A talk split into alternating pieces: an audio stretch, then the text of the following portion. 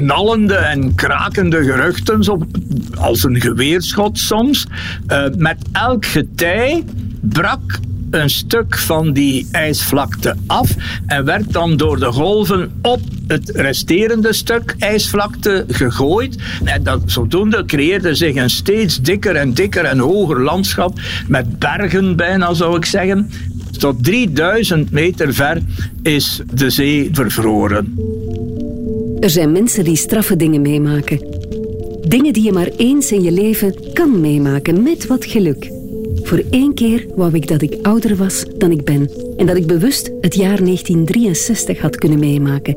Want ik weet wat ik dan zou hebben gedaan in de winter. Dan was ik naar zee getrokken om te gaan kijken naar de bevroren Noordzee. Ik ben Katrien van Doornen en in de podcast Ik was erbij praat ik met mensen die er wel bij waren. Bij gebeurtenissen die zo speciaal waren dat ze voor altijd in het geheugen blijven zitten. Zo ligt Vlaanderen, zo ligt heel Europa te kronkelen in de kou. De waterzon van eergisteren bleek een valse hoop. Dit was een klein fragment uit het televisieprogramma Echo over de winter van eind 1962, begin 1963. En die bleek meedogenloos die winter. 71 dagen en nachten raakte het kwik niet boven het vriespunt. Het vroor onafgebroken van 25 december 1962 tot 5 maart 1963. Foto's uit die tijd tonen een kruising tussen een poollandschap en een merengue-taart. 200 landgenoten kwamen om van de koude of van de hitte, kunnen we ook zeggen, want de brandweer die kon niet blussen door de dichtgevroren waterleidingen. En op de Noordzee dreven klompen bevroren zeewater, zo groot als een auto. Dat stond zo in de krant. Het zou de strengste winter aller tijden worden, of in elk geval de strengste sinds de metingen van 1833.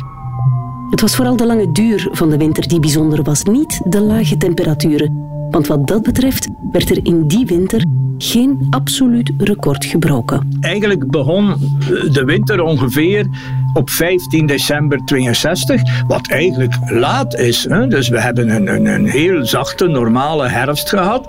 Maar plots in december, dag na dag na dag, enorm dichte mist. Maar enorm dichte mist. Ivo Peters uit Kokzijde was toen een kleine jongen van 14 jaar. Hij woonde aan zee en bekeek het allemaal met grote ogen. Ik herinner mij zelfs nog met mijn vader. Wij hadden toen juist één jaar een auto. En we zijn dus bijna op de weg hier uh, van uh, Kokzijde naar Oostende gewoon van de weg gereden in de gracht. Omdat men dus eigenlijk niets zag. Maar echt niets. En dan is die temperatuur gaan zakken. Enorm, enorm, enorm snel. En die mist is aangevroren. Zodat tegen ongeveer 20 december was bijna heel West-Vlaanderen een ijspiste. Een echte ijspiste kon men zich niet rechtop houden. Dan is de temperatuur verder gezakt. En symbolisch zou ik bijna zeggen, op 25 december, dus kerstdag, werd officieel min 25 gemeten. En dat was dan toch voor ons ja, bijzonder koud.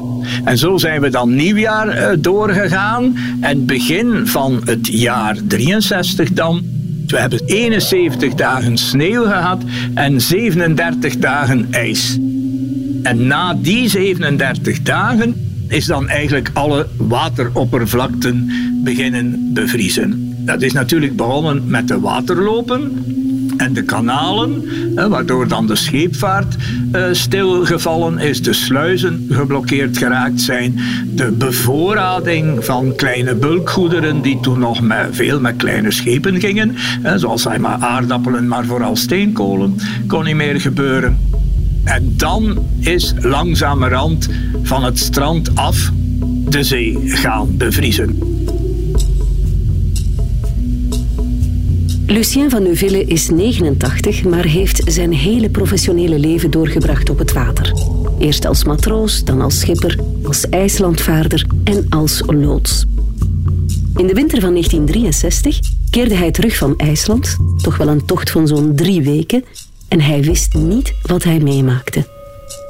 In 1963 zat ik eindelijk op IJsland. Wij varen op IJsland. En als we terug naar huis kwamen, eh, voelden we dat weer veranderde veel kouder was. Of op IJsland. hoe dichter dat we van Oostende kwamen met schip, hoe kouder dat werd. En dan natuurlijk om aankwamen in Oostende samen wat dat er gebeurde allemaal. De scheepvaart is zeer moeilijk of onmogelijk. Maar de Belgische zeevisser vaart nog uit. En dat was echt koud, echt koud. Zodanig dat zeewater op het hoogwater, zo gezegd, even naar vroor. Ja, dat moment zijn die tijd min 15 graden onder nul geweest zijn. En uh, ja, met, de, met het schip dat we we kwamen binnen en ja, de haven was wel een ietsje vervrozen, zou ik zeggen. Maar uh, geen probleem. En we verlangen wel, uh, door de koude die er was hier, we verlangen wel weer uh, om terug te varen naar IJsland, omdat het er beter weer was. Het is eigenaardig, maar het was zo totaal onbekende arctische vogels die wij hier nog nooit hadden gezien. Ivo Peters. En die met de verschuiving van de temperatuursgrens naar het zuiden toe, ja, vonden die zich hier ook goed en die zakten gewoon mee met de temperatuurgrens. En er waren veel geïnteresseerden die die vogels hier kwamen bekijken. Dus die hebben een wak nodig. Hè? Dus uh, er moet ergens wat, wat open water. Dus er werd dan hier en daar met veel pogingen, zelfs met het leger en de genie en dynamiet, werden hier en daar dus gaten in de kanalen en rivieren. Niet voor die vogels, maar om te proberen de scheepvaart in beweging te brengen. Maar onmiddellijk gingen dan al die vogels naar die, die wakken uh, gaan zitten. Maar die vroren dan zo snel terug dicht dat die vogels ja, misschien niet bijzonder dynamisch of zo waren door, door het koude weer. En die lieten zich verrassen. En wij vonden dat ook eigenlijk raar, dat die, die beesten dat niet zagen aankomen en opstegen, om het zo te zeggen. Maar die lieten zich verrassen en, en plots zaten die vast en konden die niet meer weg. En dan was er nog het heel speciale geval van de zwanen, die wij hier niet veel hebben aan zee, maar wel in Brugge, dat weet men. Eh, de zwanen die zochten voeding of drank, dus die zaten met hun bek in het water en dan vroor hun bek dicht en konden ze niet meer eten en gingen ze ook dood. Dus er waren hier toen veel, veel, veel dode vogels. Niet alleen de scheepvaart viel stil, ook het dagelijkse leven. Wij hadden alleen steenkolenverwarming, zoals 99% van de mensen hier in 63. Hè. Een continu stoof noemde men dat. Ja, de steenkolentoevoer werd steeds moeilijker. Maar ik herinner mij dat wij emmers water verzamelden. En eh, omdat we dan schrik hadden dat de waterleiding zou springen, had mijn moeder dan een, zoveel mogelijk emmers die ze had, allemaal met water gevuld. Maar die waren dan vervroren. Hè. Als wij opstonden, waren al die emmers vervroren. Dus dat betekende gewoon dat het s'nachts, maar ook overdag, het gewoon stenen vroor in het huis. Later is dan door ijsvorming de elektriciteitskabels uh, gesprongen, de telefoonkabels gesprongen, de kleinere dorpen totaal geïsoleerd. Mensen stierven van de kou. Zo is er het verhaal van een jongetje in een bushalte in Diksmuiden die doodgevroren teruggevonden werd. De inwoners van de Westhoek konden hun doden zelfs niet begraven. De grond die was dus dermate diep bevroren, hè, tot misschien een halve meter eh, en meer, zodat de gewone kerkhofwerkmensen uh, daar helemaal niet door konden. Ik heb weten herinnering van pastoors die naar bouwbedrijven gegaan zijn, ja, om te vragen of men niet met een drillboor naar het kerkhof kon komen. Maar ja, dat was ook weer zo'n uh, waanzinnig idee. Uh, zodoende dat men dan in zekere funeraria en hospitalen of plaatsen waar men over zulke koelkosten of zelfs misschien bij vleesbedrijven, dat herinner ik mij niet meer, maar men heeft de doden verzameld, uh, opgezameld tot Pasen ongeveer van 63 60, vooraleer men dan weer met begrafenissen kon beginnen.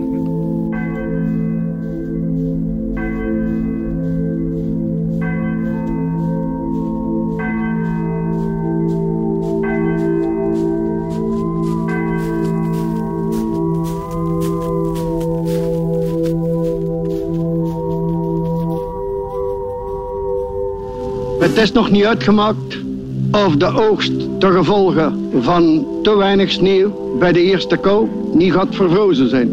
Dat zijn problemen voor later. De winter en de vorst is ranspoedig voor de landbouw. En het gaat al zo slecht.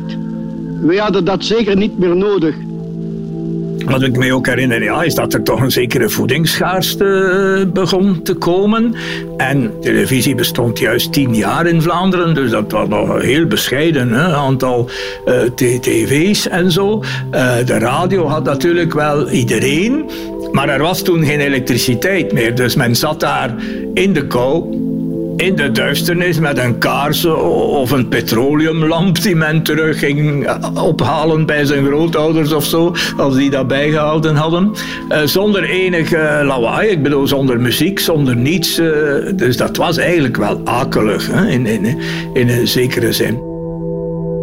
En dan, en dat, is, dat herinner ik mij ook nog zeer goed, dat ik dus met mijn moeder naar een winkel ben gegaan, een radiowinkel uh, uit Kokzijde.